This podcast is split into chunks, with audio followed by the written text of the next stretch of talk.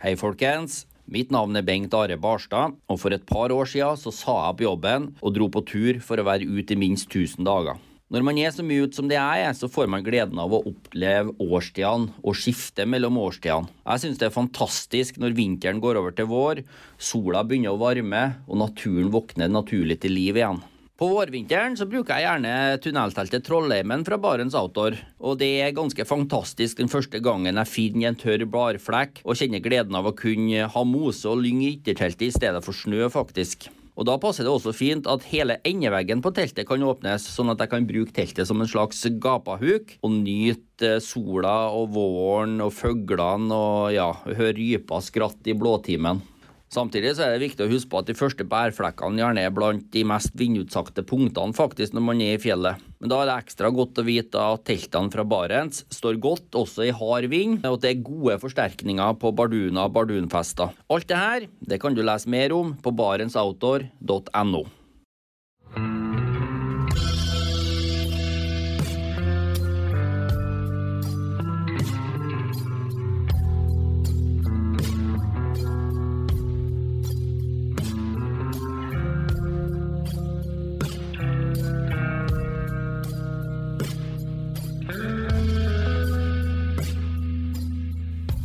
Hei og velkommen til podkasten Uteliv. Mitt navn er Randulf Valle, og dagens episode tar vi opp en solfylt seinvinterdag i Valdres. Men eh, temaet skal nok ta oss eh, til andre deler av Norge og over til de store villmarker i Canada.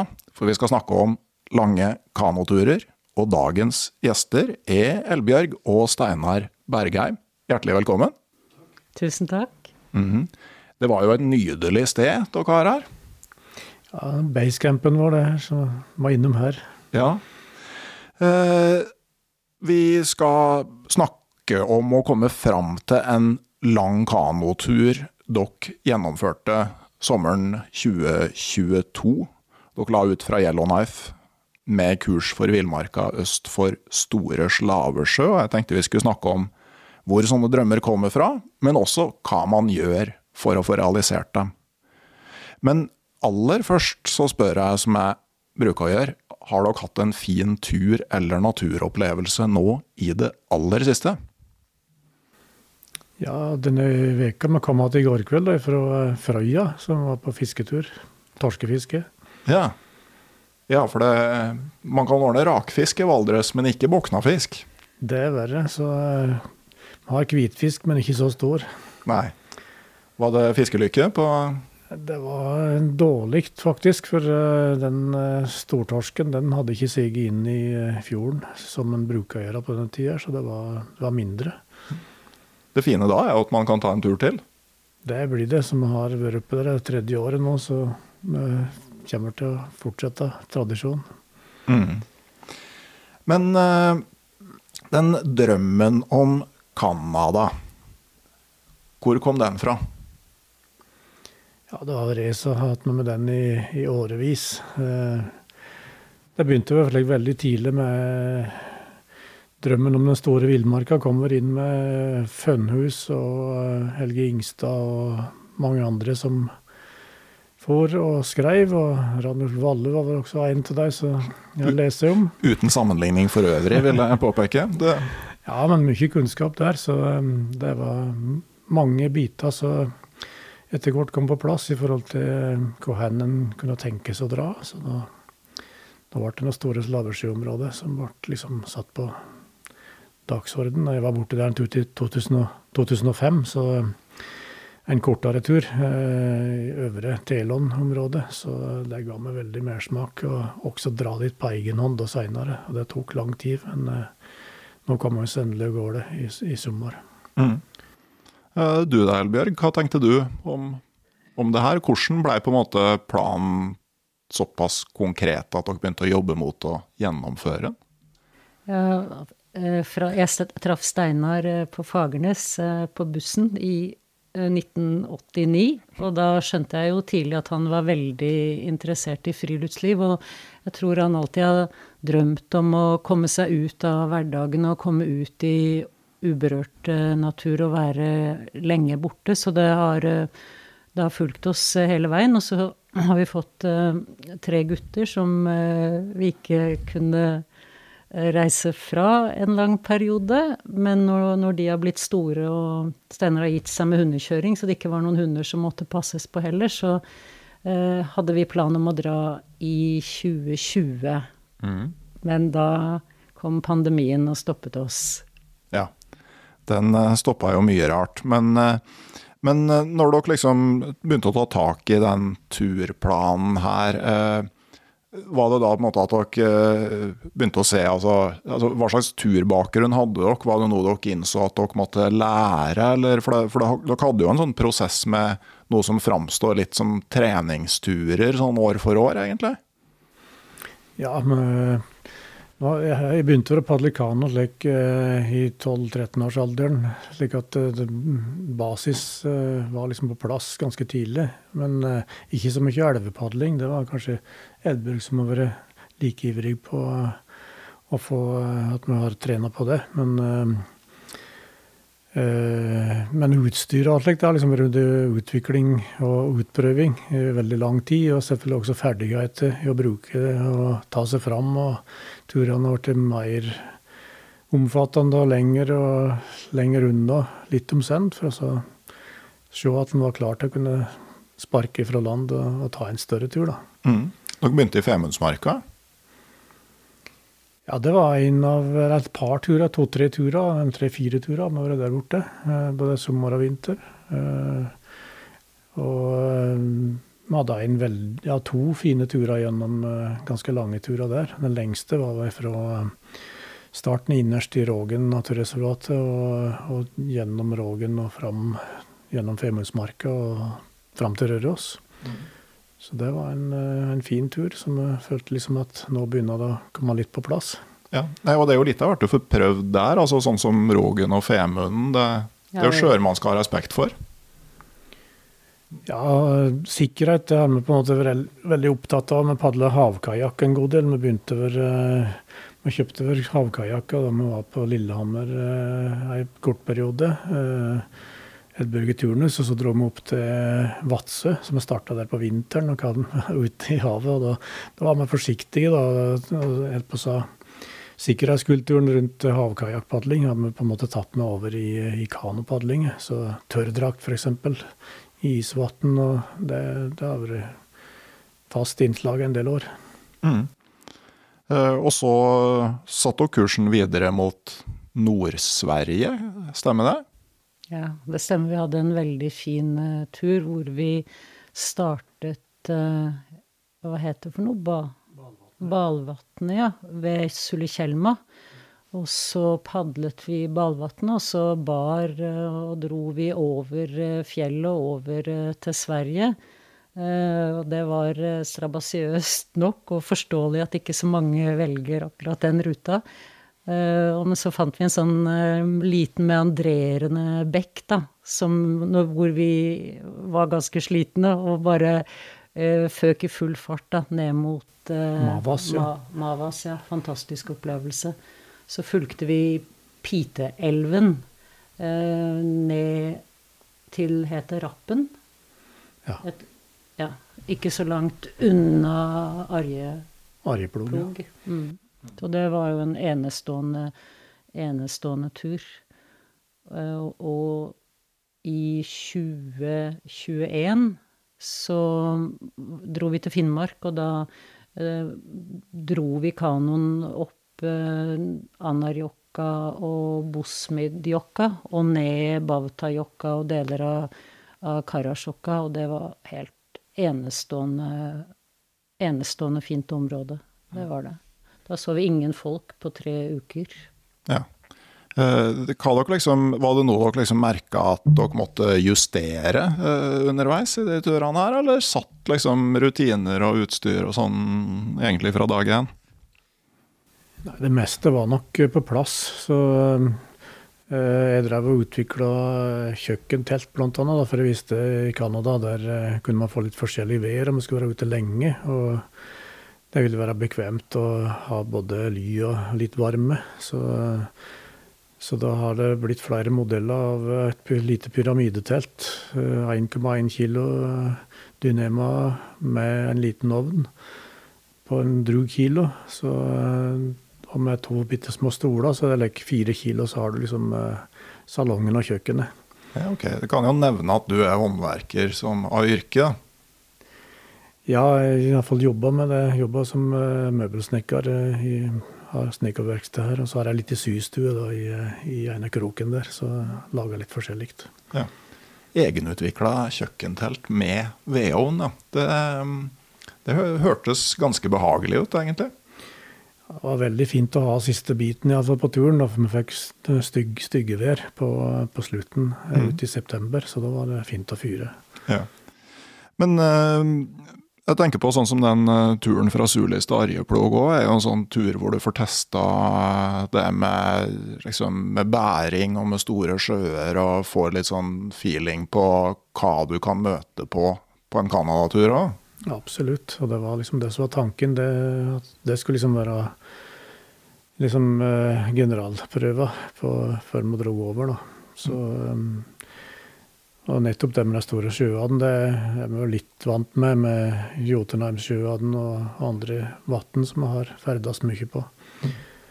Kano og båt og, kajakk, så, så vi veit liksom litt hva kan komme utfor, spesielt utpå høsten. da. Ja. ja, og det skjer veldig brått på sånne uh, store sjøer? Ja, det er liksom pang, det, så uh, det er ikke alle dager du bør ta kilometerkryssinga, for å si det slik. Nei. Men uh, når det gjaldt eh, kanoturen i, i Canada, altså dere planla en ganske lang tur? Ja, vi hadde altså Først så hadde vi en tanke om å padle Telon eh, River, da, altså ca. 1000 km, og starte oppe på Lynx Lake, som er tradisjonelt.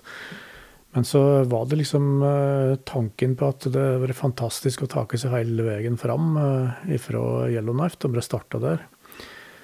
Eh, men underveis så fant vi liksom ut iallfall i justeringer fra 20 til nå 22. da, så, så fant vi ut at vi ville ha litt forsyninger underveis, så vi gjorde en avtale om å få droppa forsyninger, eller lagt ut forsyninger.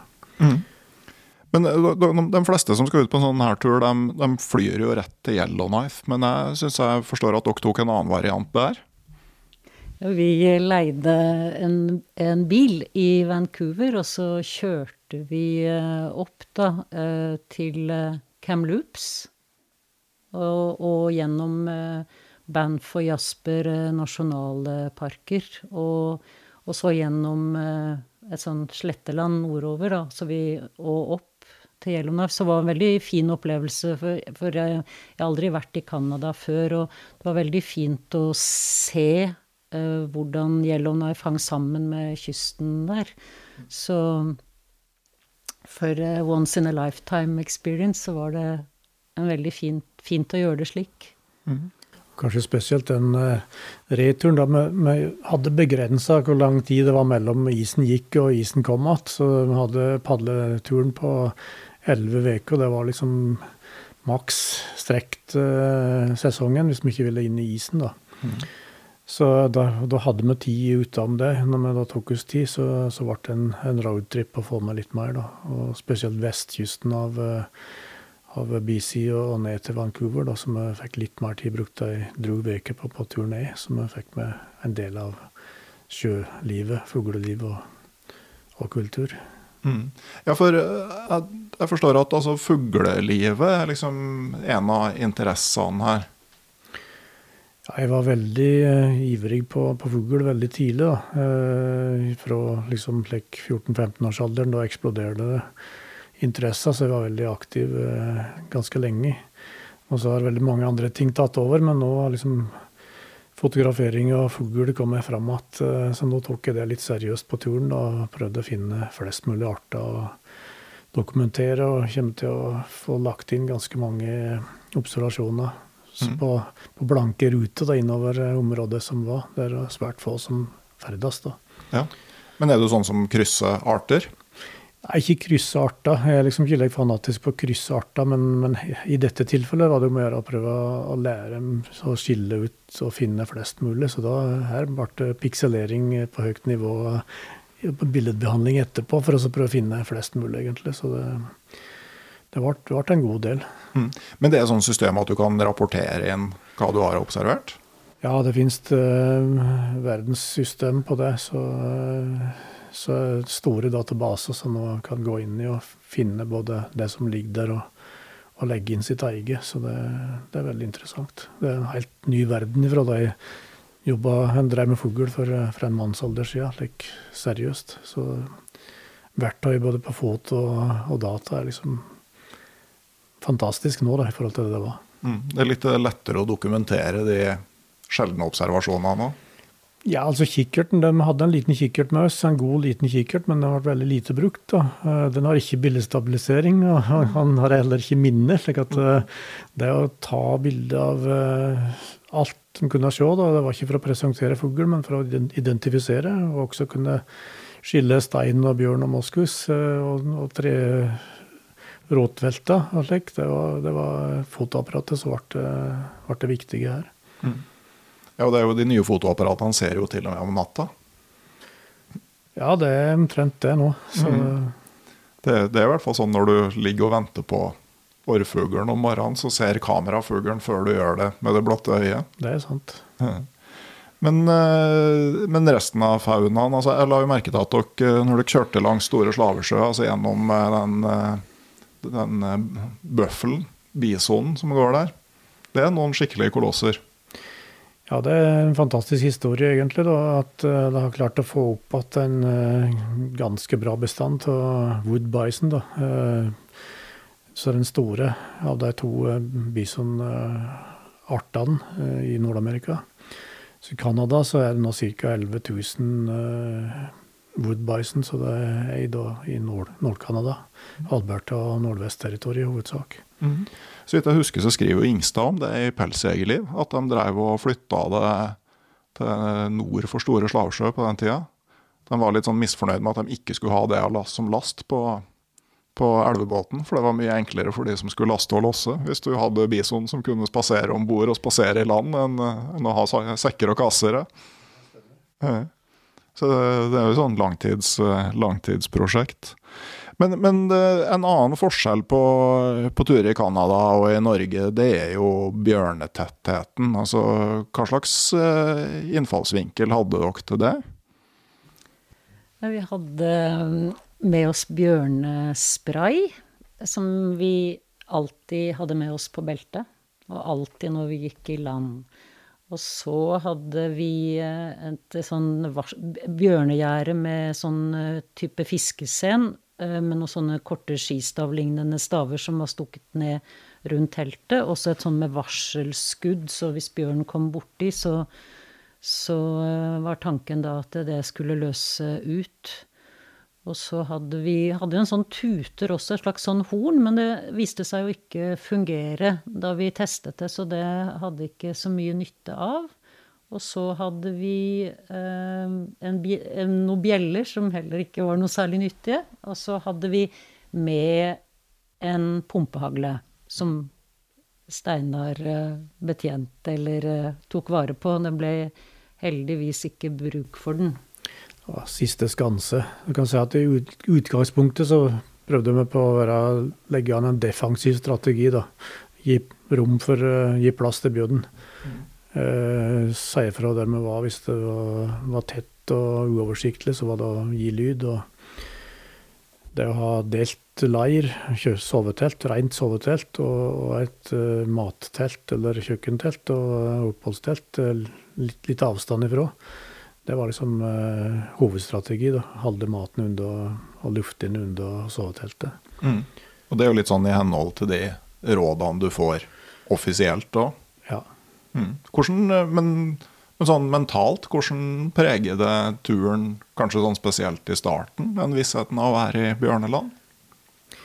Ja, nå hadde jeg vært på Svalbard et par somre, så det var liksom uh, isbjørn og en uh, utfordring. Så jeg sov i telt og var med en forsker der oppe for mange år siden. Som jeg gikk rundt en god del aleine og måtte liksom måtte sove om natta, selv om det var isbjørnland. Så det var, det var litt like ja, litt trening som hadde fra før på det. Men eh, det er klart at du er, i, du er i beredskap. Du har tenkt gjennom veldig mye av det. Og lest mange råd og tenkt veldig mye gjennom ja, hva slags råd vil vi følge, liksom. Eh, Er alle gode råd, eh, eller er det noen som eh, er mindre bra? Så eh, Men altså eh, Det var en viss beredskap hele tida. Så det var alltid en viss beredskap. Mm. Hadde dere mange bjørnemøter? Seks bjørner som jeg så ute. Mm. Ja. Gikk det lenge før det første? Noen dager så så vi en eh, svartbjørn fra eh, kanoen. eh, og så gikk det en to-tre, to og en halv uke, vi fikk med nærkontakt med en, en brun bjørn, nei, en svartbjørn. Så han kom inn og la seg på teltet vårt som natte. Oi. Ja, på Så- det soveteltet? Ja, Ok. Så jeg bråvåkna klokka fem eh, morgen. Og da, kom, eh, da var så, lå teltduken nesten i trynet på meg, og jeg så Elbjørg var un, nesten under duken. Og så var det bare legge idé, legge lynglimt gjennom hjernen som sa at ok, herre, er det er stort dyr, så du må få det vekk. Jeg har lest forskjellige historier om det, annet Moskus som har lagt seg på, på telt. Så jeg bare rei opp armene fra soveposen og så dundra til det jeg kunne.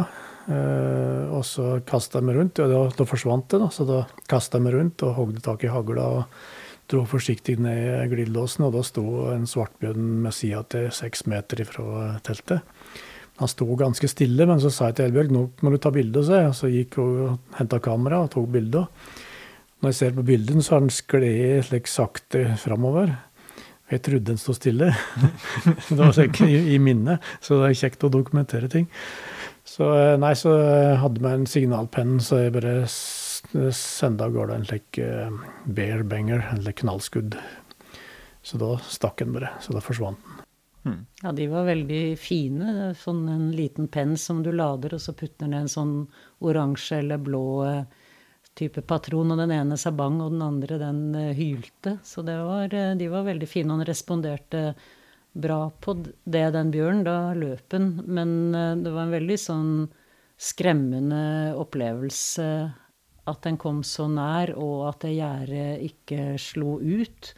Men det er jo på en måte man har man har jobba mye for å komme ut der, og man har planlagt og, og er ute i villmarken. Og det er jo ikke bare å, å si at nei, nå tar jeg trikken hjem igjen, jeg vil ikke være her lenger. Man må på en måte stå i det om man er der.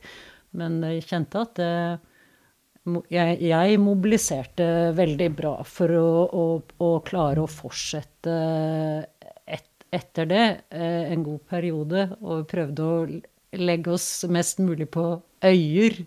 Det var det en kamerat av Steinar som hadde sett, da, for de fulgte oss på sånn tracking. Og sett, ja, dere ligger mest på øyer, eh, liksom. Ja. Jeg syns eh, det var både at det vi følte oss i hvert fall litt eh, tryggere på de øyene. Om vi var tryggere, det er ikke godt å si. De var nok, det var nok bjørner på de øyene òg. Det var ikke Moskus iallfall, for den hadde ikke så veldig lyst til å svømme ut. Så. Nei.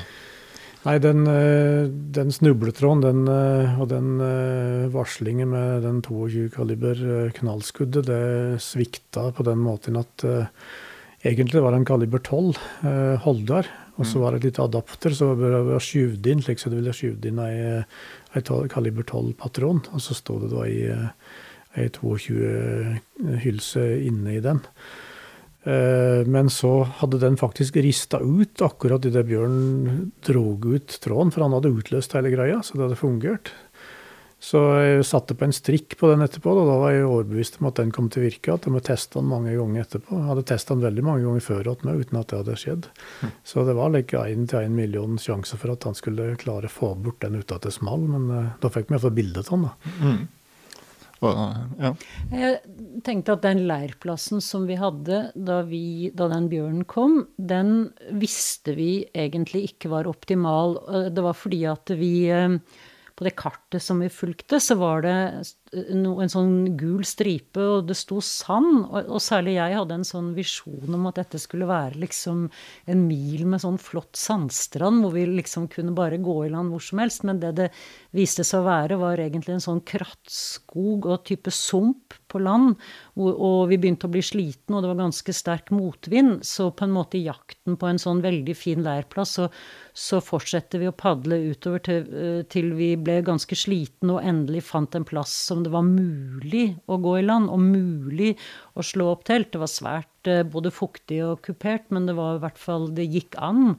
Uh, og vi visste at bjørnen likte å gå på litt sånn åpent lende og branntomter langs med vannet. Så vi visste at den plassen ikke var uh, en optimal plass, men vi følte vi ikke hadde så mye Vi orket vel egentlig ikke å padle lenger og hadde tatt ut de kreftene vi hadde, så vi valgte å, å, å være der. Så jeg tenker at det er mange ting man på en måte kan tenke litt over sånn i ettertid. At man bør kanskje ikke ta ut alle kreftene sine heller. Alltid ha litt å gå på. Uh, ikke komme i en sånn situasjon hvor man føler seg litt tvunget til å velge en plass man ellers ikke ville valgt å campe. Så vi likte bedre luftige områder, gjerne litt på et nes, et sted hvor vi hadde litt oversikt, da, og hvor ikke bjørnen uh, bare vandret uh, forbi. Er du enig i dette, ja, Steinar? Vi prøvde å finne optimale leieplasser på den måten, og tenkte oss Og det var spesielt at langs strøndet så gikk bjørnen og, og, og beite eller leite etter mat. Så det, var, det så vi flere ganger, og, og, spor. Så det var tydelig at en brukte terrenget på den måten. Så. Mm. Og så var det en annen stor grunn til at vi dro ut til øyen tidlig. Det var at det begynte å bli litt insekt, og det var fryktelig varmt. Så det var, hadde hetebølge opp mot 30 pluss. Og det var knusktørt. Og, så når vi padla langs land, så sto det varm luft innentil som var nesten uutholdelig. Eh, og så var det isvann. Altså, for vi hadde som regel på oss eh, tørrdrakter, da, for det var null grader i vannet. Og det var veldig slik eh, ja, Det var i hvert fall måtte, måtte krysse en del, for det er veldig slik flika eh, landlinje. Mm. Strandlinje. Så det var ingen slik rett linje Tyrifjorden å padle langs. Det var, det var en skjærgård med masse nes som måtte krysse over. Så da holdt vi oss ute, og ute var det friskt og, og mindre insekt. Og, mens etter hvert så ble det med bjørn med, så gjorde det at vi gjerne ville være ute der, sjøl om vi så at det hadde vært bjørn på alle øyer. Så det er ingen tvil om at den bruker hele, men vi tenkte kanskje det var mest om høsten på, på bærsanking at den dro ut dit. Men, og det, vi så ingen bjørn på øyet heller. Men sånn på forhånd med eh, planlegging av mat for en så lang tur? Nå hadde dere jo et dropp med mat underveis, da, men altså, hva, hvor mye og hva? Ja, Der hadde vi prøvd å finne ut mengda da, uh, gjennom en del turer. så Der hadde vi erfaring at uh, ca. 500 gram uh, tørka mat per person per dag, det var slik uh, det vi trengte. Ennå så gikk vi litt ned i vekt på de turene like tre-fire ukersturer som vi har brukt. Da. Så eh, derfor så la jeg på eh, til 650 gram. Mm. Og, og, eh, og, pluss fisk. Og vi fiska en god del, da. Så det viste seg å være Det som jeg la på, det, det brukte vi ikke, faktisk. Så sjøl om vi tok av så, og vi et det vi hadde lyst, så aldri mangel på mat, så, så holdt det med 500 gram per person per dag. Mm. Ja, hva dere brukte til frokost og lunsj og middag? Man har planlagt uh, uh, Ja, frokosten er da grei. Det er en standard uh, oppskrift med havregryn, rosiner, tørrmjølk, hasselnøtter. Og så hadde vi i rapsolje en viss mengde. Og vi hadde smør til å begynne med, som vi kunne ha i. Og litt sukker og, og litt uh, uh, cranberry. Det er slik uh, Tranebær. Tra, tranebær, selvfølgelig. Det, den er veldig god, så den brukte de å ha inn noen bær for å krydre grauten med. Og så har vi patent med at vi bare All maten, all varmmaten, den, den koker vi ikke i gryta. Den, I hovedsak så bare varmer vi vann, og så har vi og lar det stå og og rehydrere i, eh, i en isolert, liten isolert beholder. Mm. Så jeg jeg bare sydd av lite holster, så veier ingenting med sikte, sitteplateunderlag isolasjon inni. Så ble stabla to vanlige matkopper inni der så, med lokk på. Så står det der en halvtime, og så er det, er det god mat.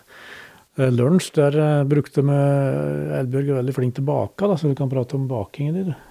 Jeg bakte brød underveis, særlig når vi hadde hviledager eller at det var for dårlig vær til å ligge utpå, da. Med gjærbakst i en liten tupperware-bolle, men prøvde også mer sånn tradisjonelle bannock med bakepulver for å eksperimentere litt, og det går jo fortere. Så ja. Du får litt sånn belegg i munnen av den bakepulverbaksten?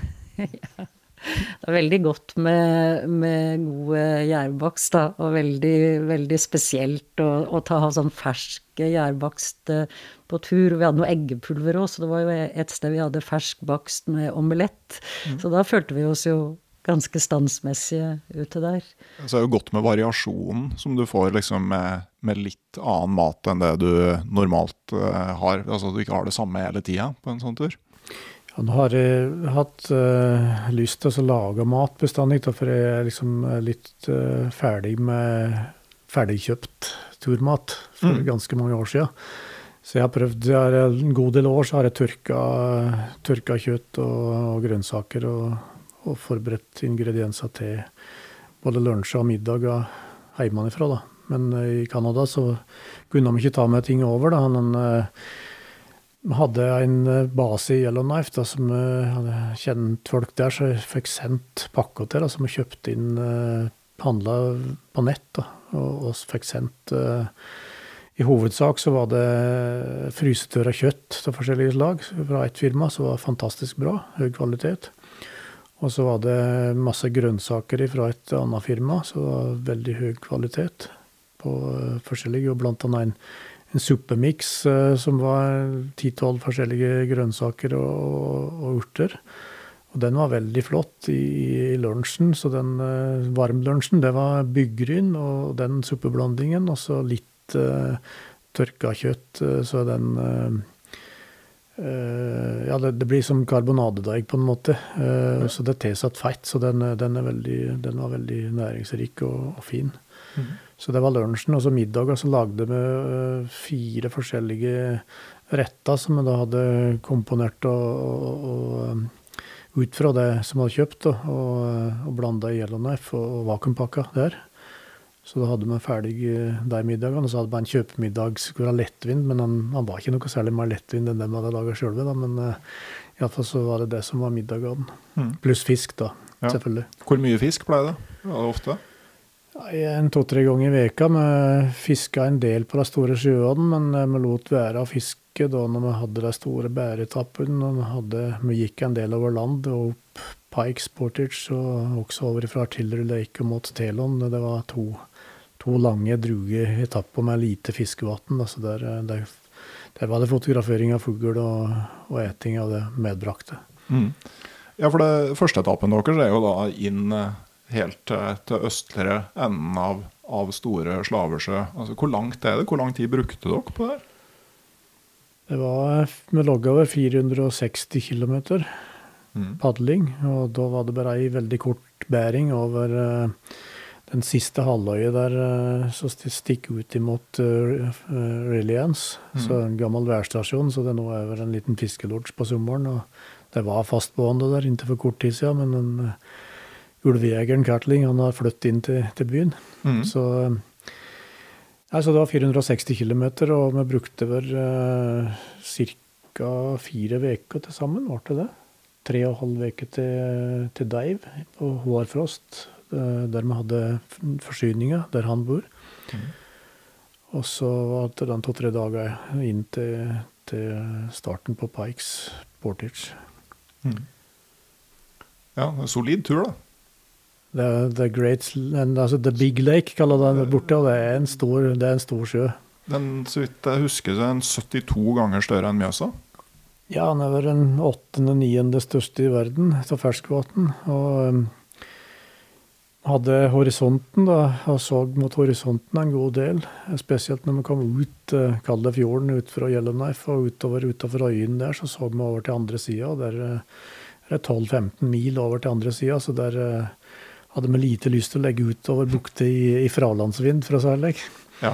ja, det skal det jo være litt. Eh, det blir nesten som å ha med unger på, på sørlandskysten. At er det pålandsvind, så kan du slappe av litt, og er det fralandsvind, så er det litt dårligere nyheter. Ja, og vi hadde masse vind, for så vidt. Og jeg hadde fulgt med en god del gjennom flere år. og Det ble et par år ekstra med. det var et utsatt tur, så da følte vi veldig på windy.com, så god vær, eh, værside eh, med mange muligheter. Så jeg hadde liksom funnet ut at eh, herskende vindretning det var stort sett motvind. Mm -hmm. Og det var, det var, fra øst, da, så det var liksom sjangla mellom nordøst og og sørøst, så det kom liksom eh, stort sett som hadde motvind. Eh, og den slekte langt land, og det vi har lært på sjøen at enn på vann at uansett så følger vannet. Om vannet vinkler en andre vei, så, så, kommer vinden likevel eh, og tar, tar vannet retningen. Mm. Så når vi hadde vind, så hadde vi stort sett motvind. Så derfor så var det ganske tungt med 120 kilo lass i kanoen og padle i motbølge. Ja. Ja, og det er jo altså Uansett kan man trene før start, så jeg ser for meg det er viktig å ikke bli for ivrig og få belastningsskader den første uka. Vi er nok vant til å kjenne etter og vite hva vi orker, tenker jeg, gjennom de turene vi har hatt. Men jeg kunne ønske at vi hadde, i hvert fall jeg, vært bedre trent. Jeg tenker det er veldig viktig å, å ha særlig god styrke en, før en sånn tur, og også en del kondisjon. Så det hadde Det ble ikke fullt så mye forberedelse før den turen som jeg hadde ønsket. Eh, men eh, hvis vi får til en drøm om en ny tur over, så vil jeg prioritere å prøve å få til god trening for å ha styrke, særlig for meg hvor hvor, det, hvor, jeg ligger kanskje litt i grenseland på å kunne løfte en sekk på 20-30 kilo og få i det hele tatt få løftet den ordentlig opp. Og hvis jeg trener, så klarer jeg det. Og hvis jeg ikke er trent, så, så må jeg slite mye mer. Så Men man blir jo selvfølgelig Man får jo en økende kondis etter hvert på en slik tur, da. Det vil jeg jo si. Men vi hadde jo eh, veldig lite helseproblemer, da. Jeg tror vi brukte liksom litt sånn Ibux eh, gel og fire Paracet og fire Ibux og ett lite plaster eller noe lignende på turen. Så mm. veldig lite bruk av medisin. Ja, hva, hva hadde dere med eh, sånn av medisinsk utstyr? Ja, vi hadde med ganske mye forskjellig. Vi hadde med en sånn SAM-splint i tilfelle man skulle få noe brudd. Og, og jeg jeg er lege og har jobba som fastlege mange år, så jeg hadde jo også med en sånn nål, blant annet, for å drenere eh, overtrykkspneumotoraks, altså luft i lungen, hvis man skulle få noe ribbensskade. Ehm, jeg syns jo det det var kanskje litt eh, ekstremt, men, ehm, men jeg tenkte at når jeg nå på en måte har den kompetansen og kan gjøre det, så kan jeg jo ta det med, for det kan jo bety Eh, kan jo være viktig. Og så hadde jeg med en eh, torniké, eh, sånn at hvis det skulle bli noe, kom en bjørn og liksom rev av en, et bein eller en arm, så kunne man på en måte ha fått reddet seg gjennom det. Det ble det jo heldigvis heller ikke bruk for. Og om dette er nødvendig eller ikke, det, det, det, det, er, det vet jeg egentlig ikke helt. Men det kan jo hende at I hvert fall den tornikeen, at jeg vil velge å ta den med på på neste tur eh, også. Hva hadde vi med mer, da? Vi hadde, hadde med en, en, god del til oss å kunne hjelpe oss, for jeg tenker at man vet ikke om man vil kunne Det kan hende at det vil gå to-tre døgn. Det spørs hvor mye det blåser før man kan få hjelp. Uh, så det som kanskje skremte meg mest, var om man skulle fått et hjerneslag eller hjerteinfarkt uh, ute, noe som man kunne bli frisk av hvis man hadde fått i sivilisasjonen, men som ville kunne ha medføre større konsekvenser ute.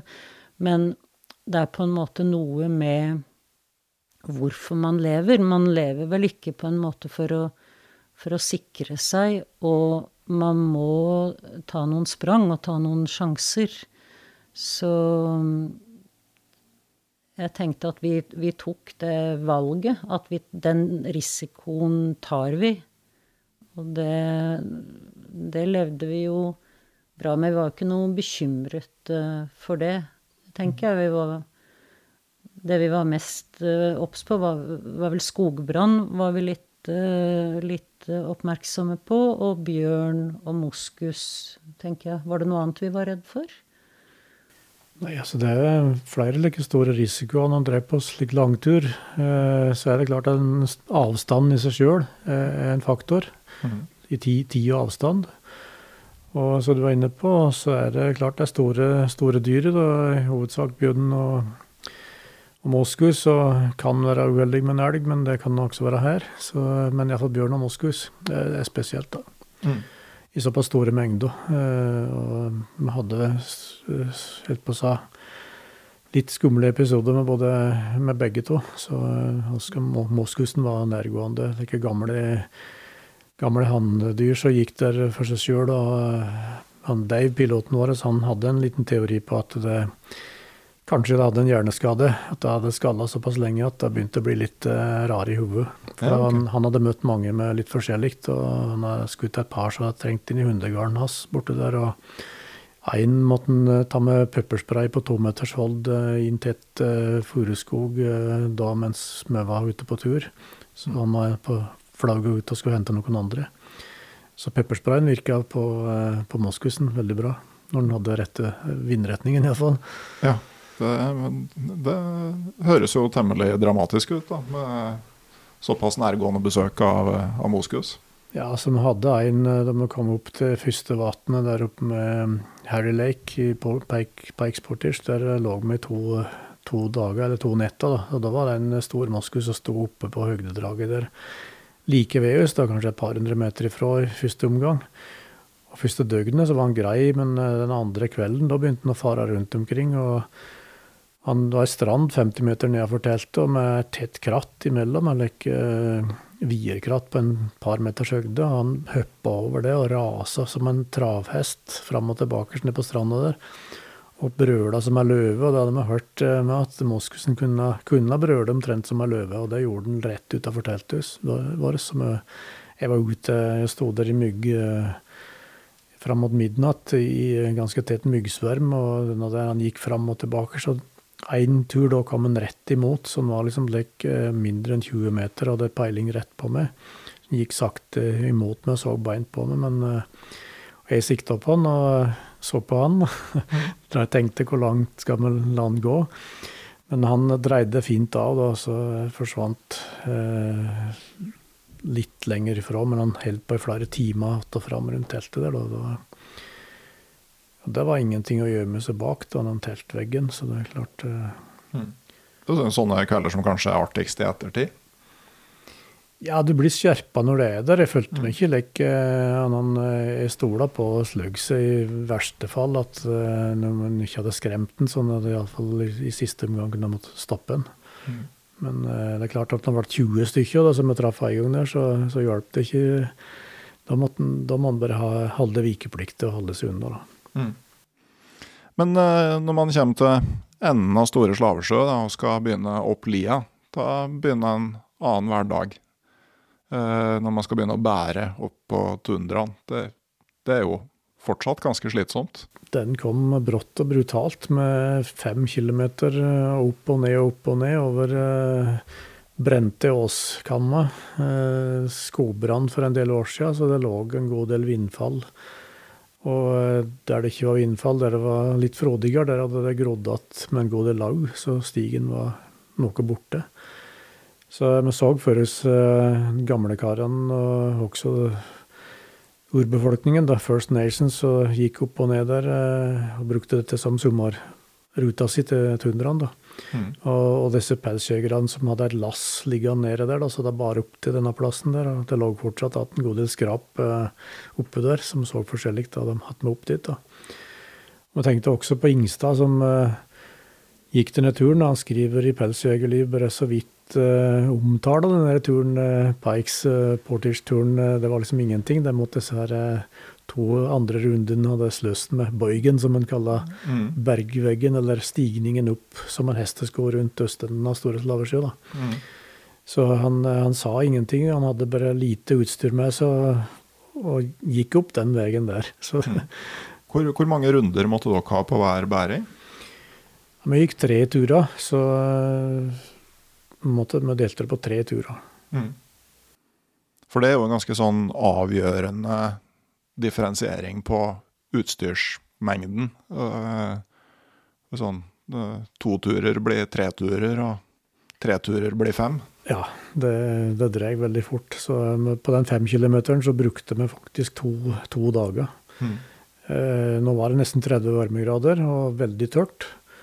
Og, og tørr, tørr, luft, da. Det, men litt trekk, da. Så det, det hjalp mot insekter. Men eh, så lite vann oppi der, da, som hadde litt trøbbel med, med drikkevann. Hadde med slike tabletter. og de, eh, ja, Det var noe klorvann jeg prøvde å få i oss, men det, det, det, var ikke veldig, det skjerpa ikke appetitten, for å si det. Nei, Så dere hadde med vannrensetabletter?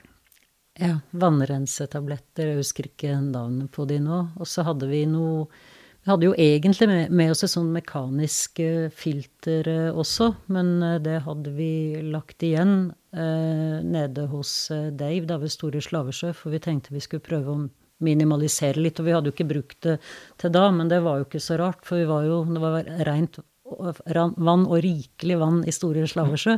Mm. Men det ble litt annerledes når vi kom uh, innover der. Så jeg tenker at for min del i hvert fall så er definitivt Pike Portage en, en engangsopplevelse. Men det er eh, eksotisk og utrolig å ha gjort det. Så jeg angrer uh, ikke på det. Men det var sånn i rimelig Det var rimelig anstrengende, syns jeg. Mm. Ja.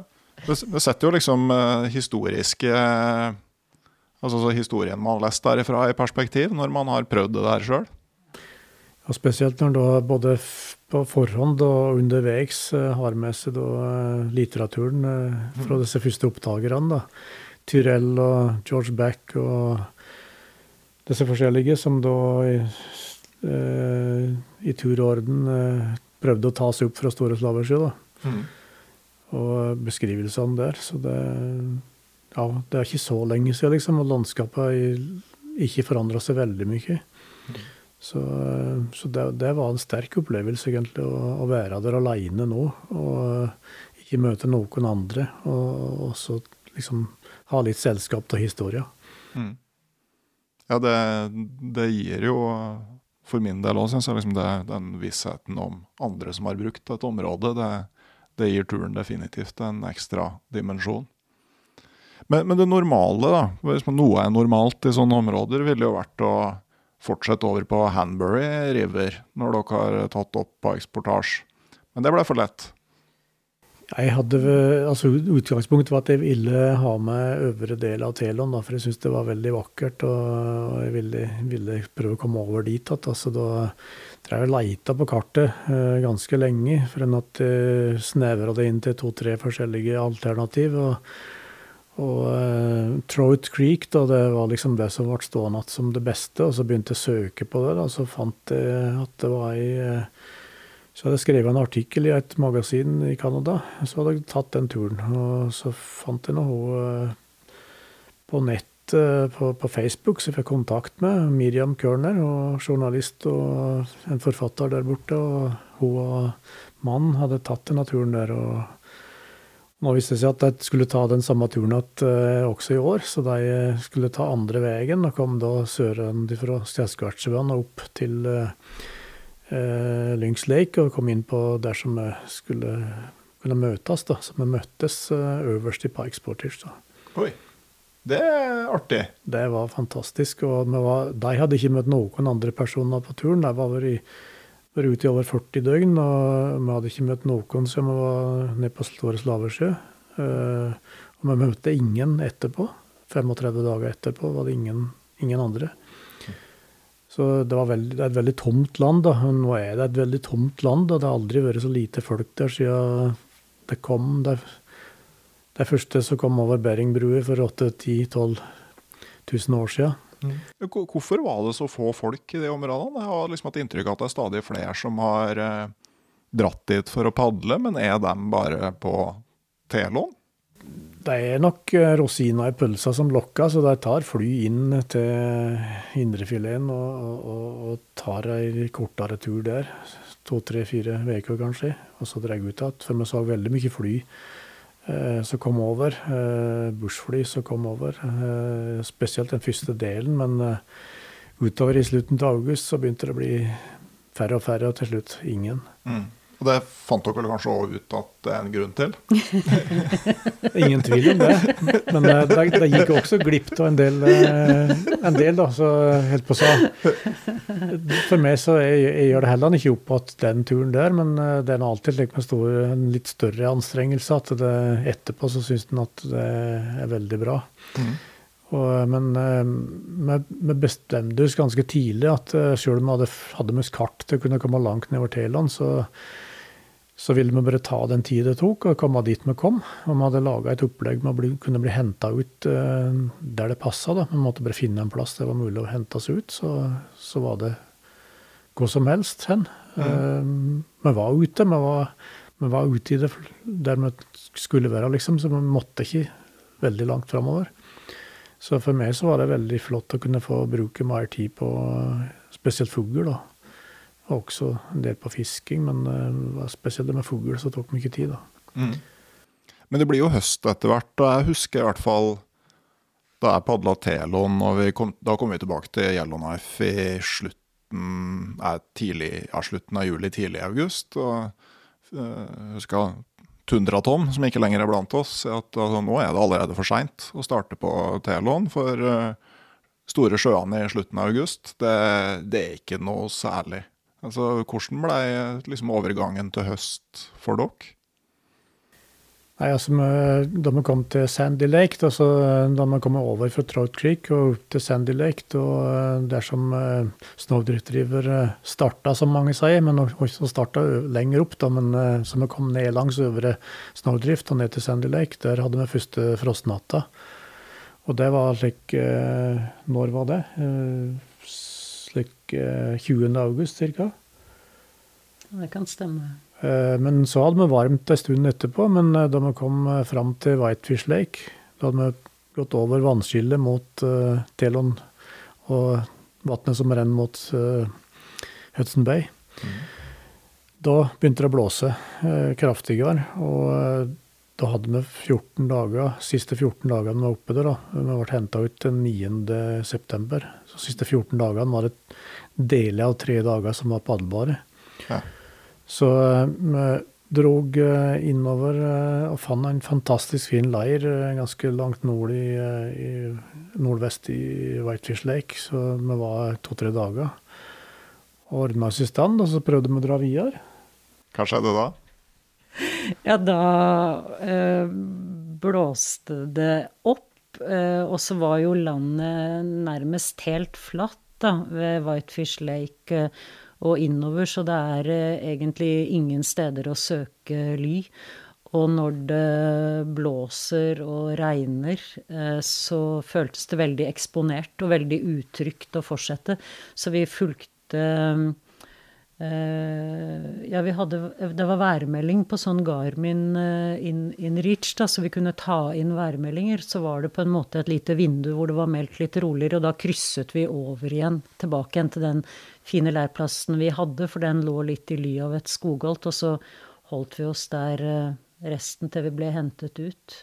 Mm. Og det var også en helt utrolig fin opplevelse å ligge i ro, for man bruker mye krefter på å og bryte leir og slå leir og flytte seg. Så det å på en måte bare være og leve i det landskapet og gå turer og dra ut med kanoen og fiske når det var mulig for å, for å legge utpå, det var en veldig fin uh, opplevelse. Og det, det, stedet var jo eksepsjonelt uh, vakkert, uh, egentlig. Og det var jo også Altså en arkeologisk eh, sted hvor naturfolk hadde levd for mange tusen år tilbake, da, og levd sammen med rein, reinen, og man kunne se liksom steiner hvor de hadde Hva kalte du sånn shipping stone? Shipping stone var en stor eh, stein, en liten steinblokk som de sto ved, og så lagde steinalderredskap, altså spydspisser til piler og til, til spjut. Ja, det kunne du gjerne se, husker jeg, oppå sånn litt sånn eh,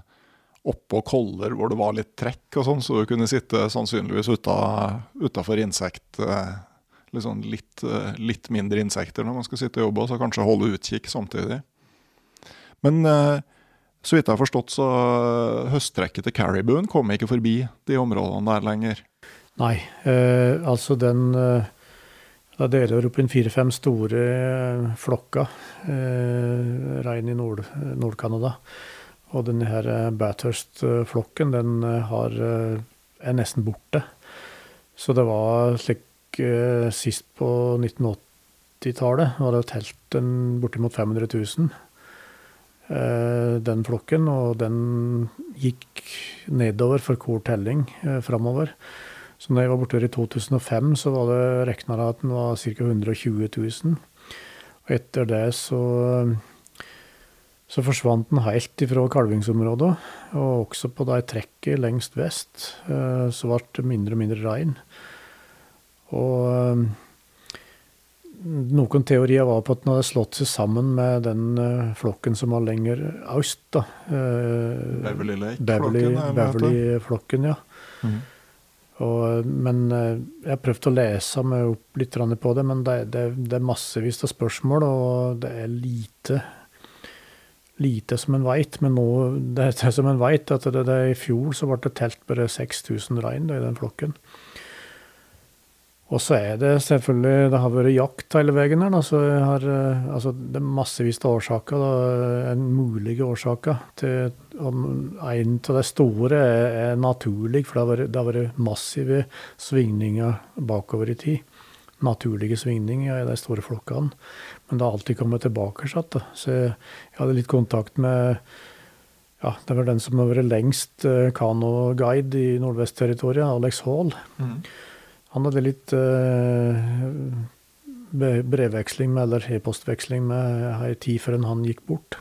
Og han, uh, han var da zoolog og forska på ulv annet, men også på rein. Har vært borte der i veldig lang tid. Og han, han mente at veldig mye av det var naturlige svingninger, og at uh, det spesielt var vinterbeite, så hadde det gått veldig hardt utover med, med skogbranner i, i sør-vest. Så så har jeg tatt vekk mye av vinterbeitet til rein. At det var veldig viktig. Og så er det klart eh, Sivilisasjonen av taket, eh, den vestre delen nordvestre hjørnet, delen av, av kalvingsområdet og oppholdsområdet. Da. Eh, altså vintervegen fra Yellowknife og, og nordøstover, da, som går opp mot eh, Ekati og Dajavik gruve, diamantgruven oppover der. Elektrogras. Som, noen har sett på en Discovery eller Mange har sett Ice Road Truckers, helt sikkert. Så den stripa oppover der, den, den er også ei stripe for ferdsel for alle, og det ble jakta veldig mye langs den stripa, mm. den veien. slik at Flere av de som da har lang erfaring borte med, traff bl.a. en av de siste pelsjegere som holdt til inne på Lynx Lake, uh, Richard eh, Black. Han var nå 77 år, han vi traff han. han uh, det var veldig hyggelig å prate med han, og jeg spurte også hva han trodde om dette her. og Han uh, var nok veldig sterk på at det, etter den store nedgangen så hadde det vært hard jakt som kanskje var en viktig faktor for at ikke eh, bestanden kunne bygges opp igjen. Mm. For det er klart at det har kommet gode snøscootere og god kommunikasjon, og våpen har vi hatt stadig bedre utgave av. Så mm. jeg skal ikke påstå, men at det har blitt tatt ut Altså normalt så ville en ha forvalta en slik stamme med en uh, større omhug i forhold til jakt. Men det her vi har dette store, veldig vanskelig betente spørsmålet mellom urbefolkningen og, og forvaltningen av rein i området, og at en vil prøve å kjøre mer av forvaltning over til, til de som hadde landet. Mm. Og uh, dette er en veldig vanskelig balansegang. Jeg prater med flere fagfolk, bl.a. en arkeolog i, Yellowknife, som uh, var nærmest til tåre ut fra situasjonen. At en sto der og ikke kunne gjøre det optimale av så mange grunner. Mm. At det var et veldig dilemma. Ja. ja, det er jo trist, ikke sant. Altså, Eh, så dere noe caribou i det hele tatt? Nei, det, vi så eh, et sånt eh, kadaver med et flott horn, da, som så ut som det var blitt tatt eh, av ulv, kanskje, for ikke så lenge siden. Det var i hvert fall spist av ulv eller store rovdyr, for det var en sti fra strandlinja ved artilleridekk der, der fallet var. Men, men, det var selvdød. Det var en stor bukk, da. Gigantisk gevir på den. Men uh, hva som var dødsårsaken, det, det er ikke godt å vite. Nei. Men en frisk, så stor bukk, han burde ha klart seg. Men, uh, mm. men iallfall så var den, uh, den var spist av store rovdyr. Ja. Nei, og, og, det her er jo det at den flokken måtte ha blitt borte, og noe som har skjedd siden jeg var i de områdene. For det, jeg hadde første turen min i 2001, og da på Telon. Og da ja, Vi traff ikke Caribuen skikkelig, dem som var noen dager bak oss. Det er jo liksom altså, Noen ser et, så et titall, dem som mm. var noen dager etter så et hundretall, og dem som var noen dager til etter så tusentall. Uh, og kom du etter eh, de vandringene så var det jo teppe på uh, elvebredden. For når elva sank, og de, de flokkene hadde kryssa, så lå det igjen caribou-hår som en sånn teppe i, eh, i flomålet. Vi, vi traff en god del oppe på da vi egentlig skulle padle Coppermine, men havna i Snare Lakes. Den, den, gangen jeg har vært borti mest av det. Men så husker jeg da jeg var tilbake i 2005, så sa jo han Tundraton, som da hadde en camp på Whitefish Lake, at uh, nå er det ikke Caribou her mer. Den kom ikke forbi. Ja, Det var i 2005 jeg også var oppe og 200 tonn på ja. campen, så da var vi like ved innan. Ja, jeg var der i september. Akkurat, Nei, jeg var der på, på sommeren i, i, juli, så det var nok før. Så, men eh, men iallfall så var det rein lenger nede i Telon. Men uh, ganske kort etterpå så flytta han uh, sitt firma og virksomhet opp til Labrador. For mm. å møte de store flokkene som fortsatt var der. Og det, det, er fortsatt en god del rein i, i, i Nord-Canada, så både øst og vest for, eh, for eh, dette området så, så, er det prat om hundretusenvis og, og millioner til sammen. Mm. Men, eh, men, det har gått veldig dårlig i dette området. Ja, og det er jo skrem, og skremmende. sør, da, så skogsrein er nesten borte, så den er det enda verre med. Men, mm. men det, det, der har sivilisasjonen taket tak, da. Det er jo mye det samme som er i Norge. Ja. At uh, den koeksistensen er litt vanskelig å få til. Men det er jo litt skremmende å se altså på uh, På liksom uh, et, et generasjonsspenn så er det så stor forskjell. Jeg har prøvd om, jeg hadde et lite foredrag til Naturvernforbundet her så, lokalt, så da prøvde jeg å ta tak i noen av disse beste og dårligste historien ved turen vår i forhold til fugl og dyr. Da. Noen solskinnshistorier og noen, noen, tragiske. En veldig triste. da. Regnet av de triste, og, og, moskusene av de, de positive. da. Mm. Den har klart å formere seg opp igjen til et ganske stort tall nå i forhold til den var nesten utrydda. Den var utrydda i Alaska og langt på vei mot uh, Store Slavesjø. Og så overlevde den i det store det reservatet som da ble opp, viltreservatet som ble oppretta lenger ned langs Teland. Så like stort som Innlandet fylke. Der, derfra har den spredd seg igjen. Mm. Nei, det, det, kan nytte. Men det er ikke alltid at det er enkelt å få til den stigninga igjen når når store bestander har blitt små? Nei, det er, noe, det er noe som klapper sammen. Det sier du så noen få arter eh, må være mange for å kunne klare seg. Eh, vandredua i Amerika er liksom en klassisk eh, mm. eksempel i økologien ja. på det. Torsken på østsida av Canada, som var tallrik som i Lofoten, men nå, som blei antagelig fiska til et for lavt nivå. Så plutselig så så kommer den ikke tilbake igjen. Men uh, ja, var det Garmin Inreach som var kommunikasjonssystemet deres på den turen her? Ja, vi hadde hver vår mm. Garmin Inreach, og så hadde vi en satellittelefon. Ja.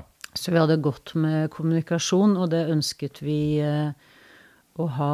Og Garmin Inrich er en fantastisk eh, innretning, eh, egentlig, hvor man kan sende meldinger og, og um, få værmelding. Og vi fant ut en måte hvor man kunne poste små oppdateringer på Facebook uh, underveis. Så det var litt morsomt å kunne sende ute fra ødemarken og liksom legge ut en Facebook-melding. Det var litt sånn eh, eksotisk å på en måte tenke at man ligger ute der i et telt, og så går det opp til en satellitt, og så går det liksom ned, så noen kan sitte i Valdres og lese det på telefonen sin. Det er en sånn rar eh, opplevelse.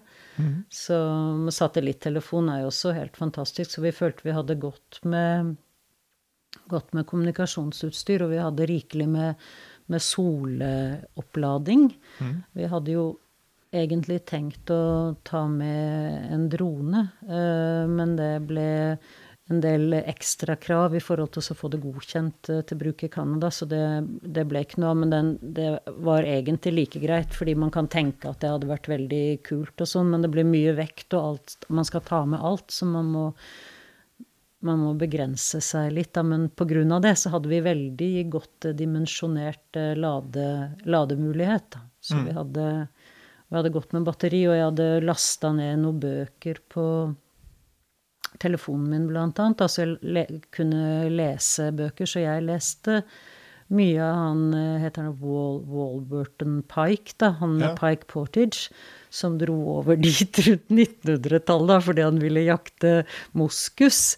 Og han bodde jo med urbefolkningen, og jeg synes, jeg tror jeg leste den, eh, heter vel The Barren Ground of Northern Canada, en bok han har skrevet. Jeg tror jeg leste den fem eller seks eh, ganger underveis, da. Og koste meg med den boken, da. Drakk te og, om kvelden, så Jeg har et sånn eksemplar av den David Pelly-boka om Telon med autentisk kanadisk mygg eh, klappa sammen inni. Så jeg, har aldri samla planter, men jeg har ufrivillig samla flatklemt mygg inni, inni boka. Jeg samla opp en ca. en meter høy stabel med bøker fra eh, liksom det området og tilgrensende Mm. på temaet. Så, eh, så det er veldig mye stoff som gikk igjennom da, før den dro bortover. Så eh, så hva en av det etter kort, men det er liksom det kverna rundt og bearbeida litt om send. Ja. Dele av det tar det igjen og leser igjen. Så det Har du lyst til å skrive nå? Eh, jeg har eh, tatt veldig mye bilder, så nå har det iallfall gått gjennom de eh, bildene, og så tok jeg en god del video. Så jeg prøver å få laga en eh, video, eh, sette sammen en video med kanskje noen stillbilde og, og litt. Det er iallfall et mål etter kort. Men eh, når det blir, det er jeg ikke sikker på, men eh, ikke nå i vinter. Nei? For nå var det nok med å gå gjennom bildene og lage foredraget. Så, så hadde vi en blogg som jeg starta friskt på da, foran turen i 2020, eller det skulle vært 2020, men den har jeg ikke oppdatert. Men jeg har håp om å kanskje få lagt over noe dit. da. Så eh, vi har skrevet og laga litt like kort, kortutgaver av bøker, eller eh, dagbøkboknotater, da, som har for noe som man kan eh, få jobba litt mer med det. Få, få ut litt mer. Mm. For dere planlegger å fortsette der dere slapp? Ja, altså må, sånn eh, En tanke før den turen vi hadde nå, var at vi skulle komme ned til Beverly Lake, som er nær, nær Hudson Bay. Men dit kom vi ikke nå. Og jeg ble jo med på denne turen egentlig fordi at det hadde vært Steinar sin drøm, og jeg ønsket at han skulle få gjennomført sin drøm. Men, og jeg ble overrasket egentlig over hva det gjorde med meg å være på en sånn tur. Hvordan jeg opplevde en rolig eh, del av meg sjøl. Jeg opplevde indre styrke eh, og en type fred som kan være vanskelig å få til i en, en hektisk hverdag. Så jeg opplevde at det, det jeg fant eh, med å være på en så, sånn tur så lenge, det gjorde meg veldig, veldig godt. Og at eh, det er like mye mitt ønske som Steinar sitt ønske, og hvis mulig komme tilbake i 2025 å starte der vi sluttet, og padle Whitefish og Lyngs Lake og så ned Talen, gjerne til Baker Lake, så man liksom føler at man har fullført eh, det prosjektet. Det syns jeg hadde vært utrolig kult. Mm. Er det noe tenker sånn, noe dere kommer til å endre på av rutiner eller utstyr, eller sånn? Er det, eller føler dere at det satt bra? Vi hadde med oss alt vi trengte, men vi vil nok uh, kutte ned på uh, og minimere.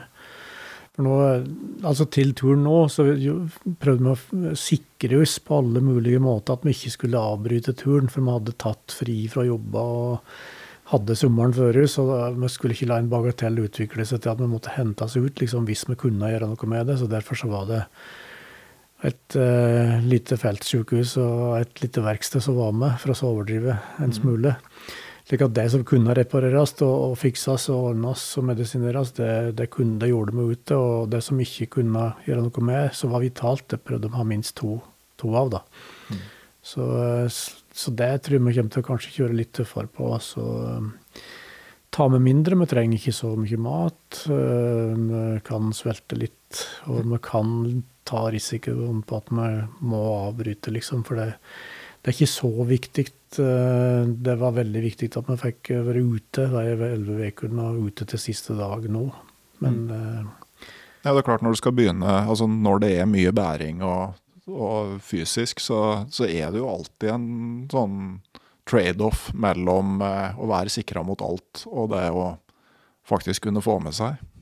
Men du Elbjørg? Ja, nei, jeg, jeg har en veldig klar tanke rundt det. At det skal være lettere og mindre av alt, og mer målretta og fokusert. Eh, og jeg tenker at eh, det man har med for å sikre seg, det man det blir også en hemsko, for man skal ha det med seg. Eh, og sånn sett så blir på en måte det man tenker man skal være nyttig for en, det blir egentlig unyttig.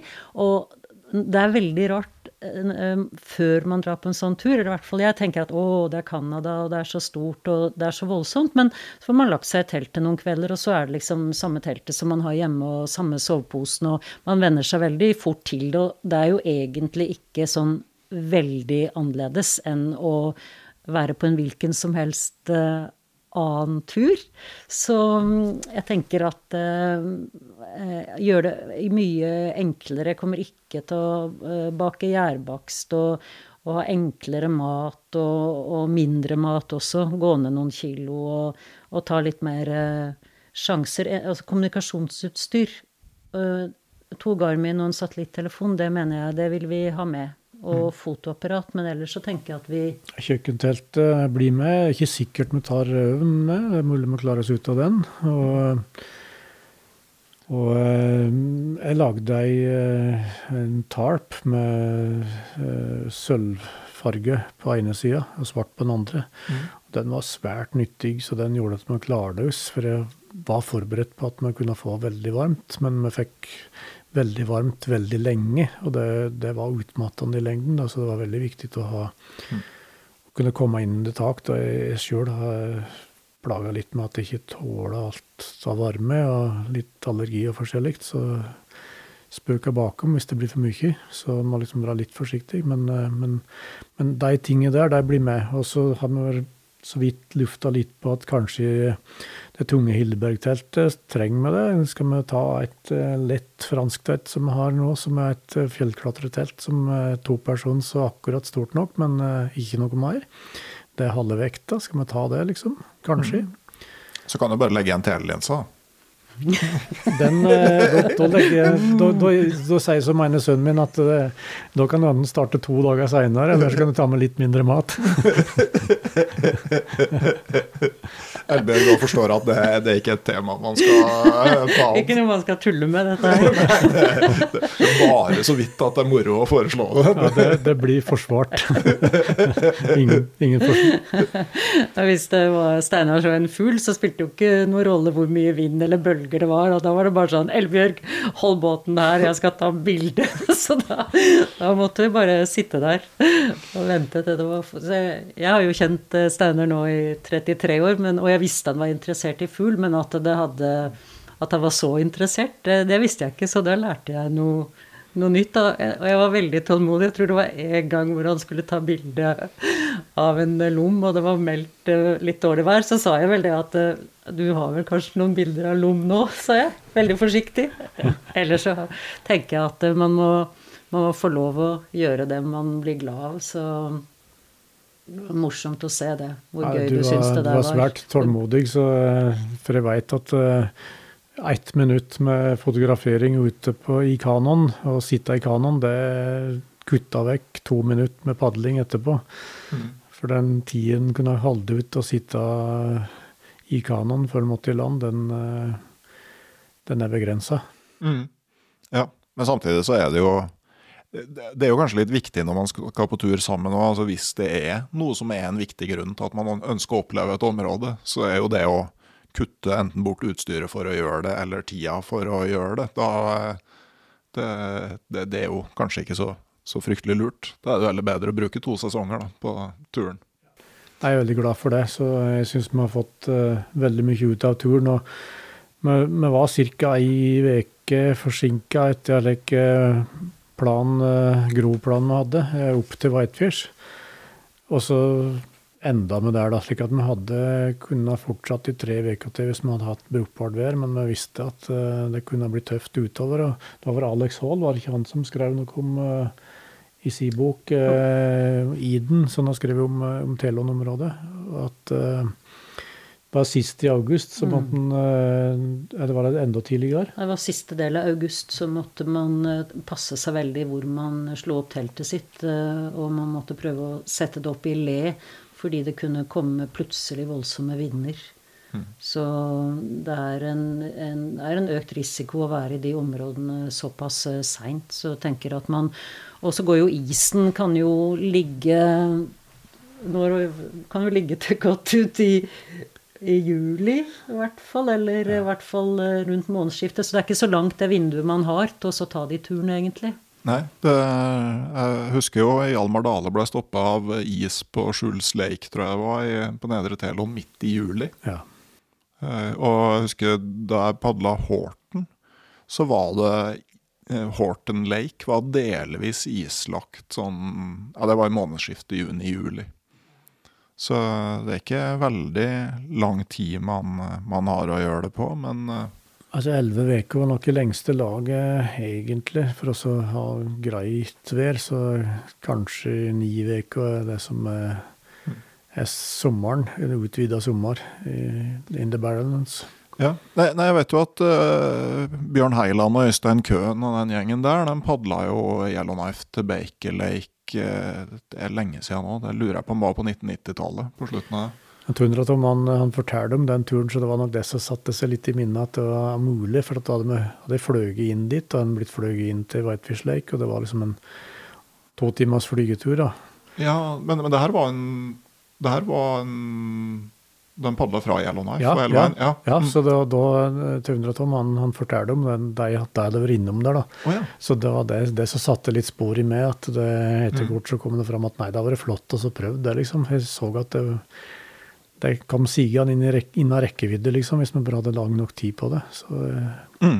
Men der må, tror jeg brukte rundt åtte uker på det. Og de, de hadde vel ikke en eneste værfast dag på Store Slavesjø, så vidt jeg husker. Akkurat. Eh, og kom fram til Baker Lake ganske lenge før planlagt. Så, hadde flere dager på eh, Store Slavesjø som lå værfast, og et par ganger ble vi kasta på land, så vi bare måtte i nødhavn. Så mm. Det var bare å krabbe fra stein til stein og prøve å komme seg rundt nes. Og det var liksom 50 meter framover, og så inn til land og ligge og vente, og så hive seg på igjen. Mm. Så det, det var møysommelig enkelte dager. Så var det havblikk, da, fullstendig stille, så du kunne krysse to kilometer over uh, Franchise Bay og den største buktene der, liksom. Mm. Direkte, uten å måtte bruke ei mil innom innerst i bukta fram igjen. Det kan jo være greit. Jepp. Det var jo veldig hyggelig å prate med dere, Steinar og Elbjørg Bergheim. Men eh, før vi slutter, så spør jeg jo som jeg alltid gjør. Eh, hvis vi ikke var her i Valdres akkurat nå, en dag i slutten av mars, hvor ville dere aller helst ha vært da? Steinar først, kanskje? Jeg kunne ha tenkt meg å ha blitt med Dave Olesen og så kjørt hundespann opp eh, Pikes og innover eh, og tatt området der eh, på seinvinteren og fått, fått, den opplevelsen. Jeg har, har, liksom hatt en tanke om at det hadde vært kjekt. Jeg, jeg leste i den boka til han Gus, som de kaller mm. pelsjegeren som har hatt den sledeturen ned igjen fra Artillery Lake til handelsposten, mm. Reliance, den var berykta. Det er en del bratte bakker der. Ja, så Det var visstnok spesielt med full slede. Så, det var, så det var jo sånn triks å kappe den største grana du fant, og henge etter som drivanker. Ja. Det er noe du har brukt i en karriere som hundekjører? Nei, men jeg har hatt løype opp åsen her, da, som du ser opp på sida her, så er det liksom 650 høydemeter. Og um, da slo jeg kjetting rundt, uh, rundt meiene, så jeg hadde, hadde noen kjettinglenker som heng, uh, heng klar. så jeg bare bikka opp sleden og så tok eh, et par kast rundt på eh, hver sledemein ved bukken, ved styrebukken, og så, så kjørte jeg ned. Mm. Men aldri mer enn med åtte-ti hunder ned, så det var ikke prat om å kjøre 16-18 hunder ned der, da. Og kanskje ikke på klinkis på vårføre? Nei, men jeg kjør, kjørte på klinkis inn på fjellet. så det var en annen historie. Ja. Du da, Erbjørg, hvor ville du vært hen? Nei, eh, jeg tenker jeg ville vært på Finnmarksvidda med lavvo og pulk og sett nordlyset i store mengder. Mm. Du begynner å synge på siste verset med sesongen. Vi sitter i slutten av mars, og det er faktisk artig å tenke på at nå er det lysere i nord enn i sør. Ja, nå bikka det rundt. Jepp. Eh, skal ikke se bort fra at vi eh, treffes igjen når dere har gjennomført siste halvdel av turen. Dere må jo ha all mulig lykke til i i planlegginga. Kose dere underveis til turens start. Det er jo en del av, det, av moroa. Ja, tusen takk. Eh, vi venta kanskje med planlegging. men får ta litt uh, andre turer her uh, på den skandinaviske halvøy før den, den tid kommer. Mm. Da kan jeg i hvert fall drømme om Øvre Telån. For det, ja. det, er et paradis på jord. det gjør vi. Mm. Jeg sier tusen takk til podkasten Utelivs kommersielle partner Barents Outdoor, og retter også som vanlig en stor takk til medlemmene i det digitale turlaget på Patrion, som er med å holde podkasten gående. Der er det plass til flere. Dere finner lenke til Patrion-sida i episodeinfoen. Men uansett om du vil være med der eller ei, om ei uke så kommer det en ny episode av podkasten Uteliv. Og inntil da så sier jeg rett og slett ha det bra.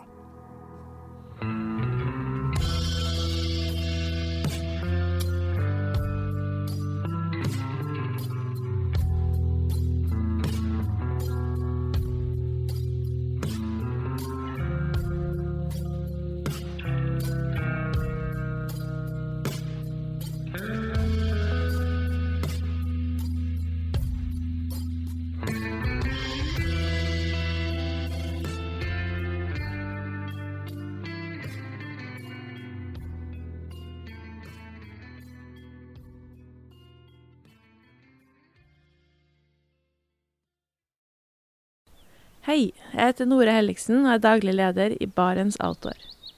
Det beste vi kan gjøre for planeten, er å redusere forbruket vårt og få mer ut av det utstyret vi allerede har.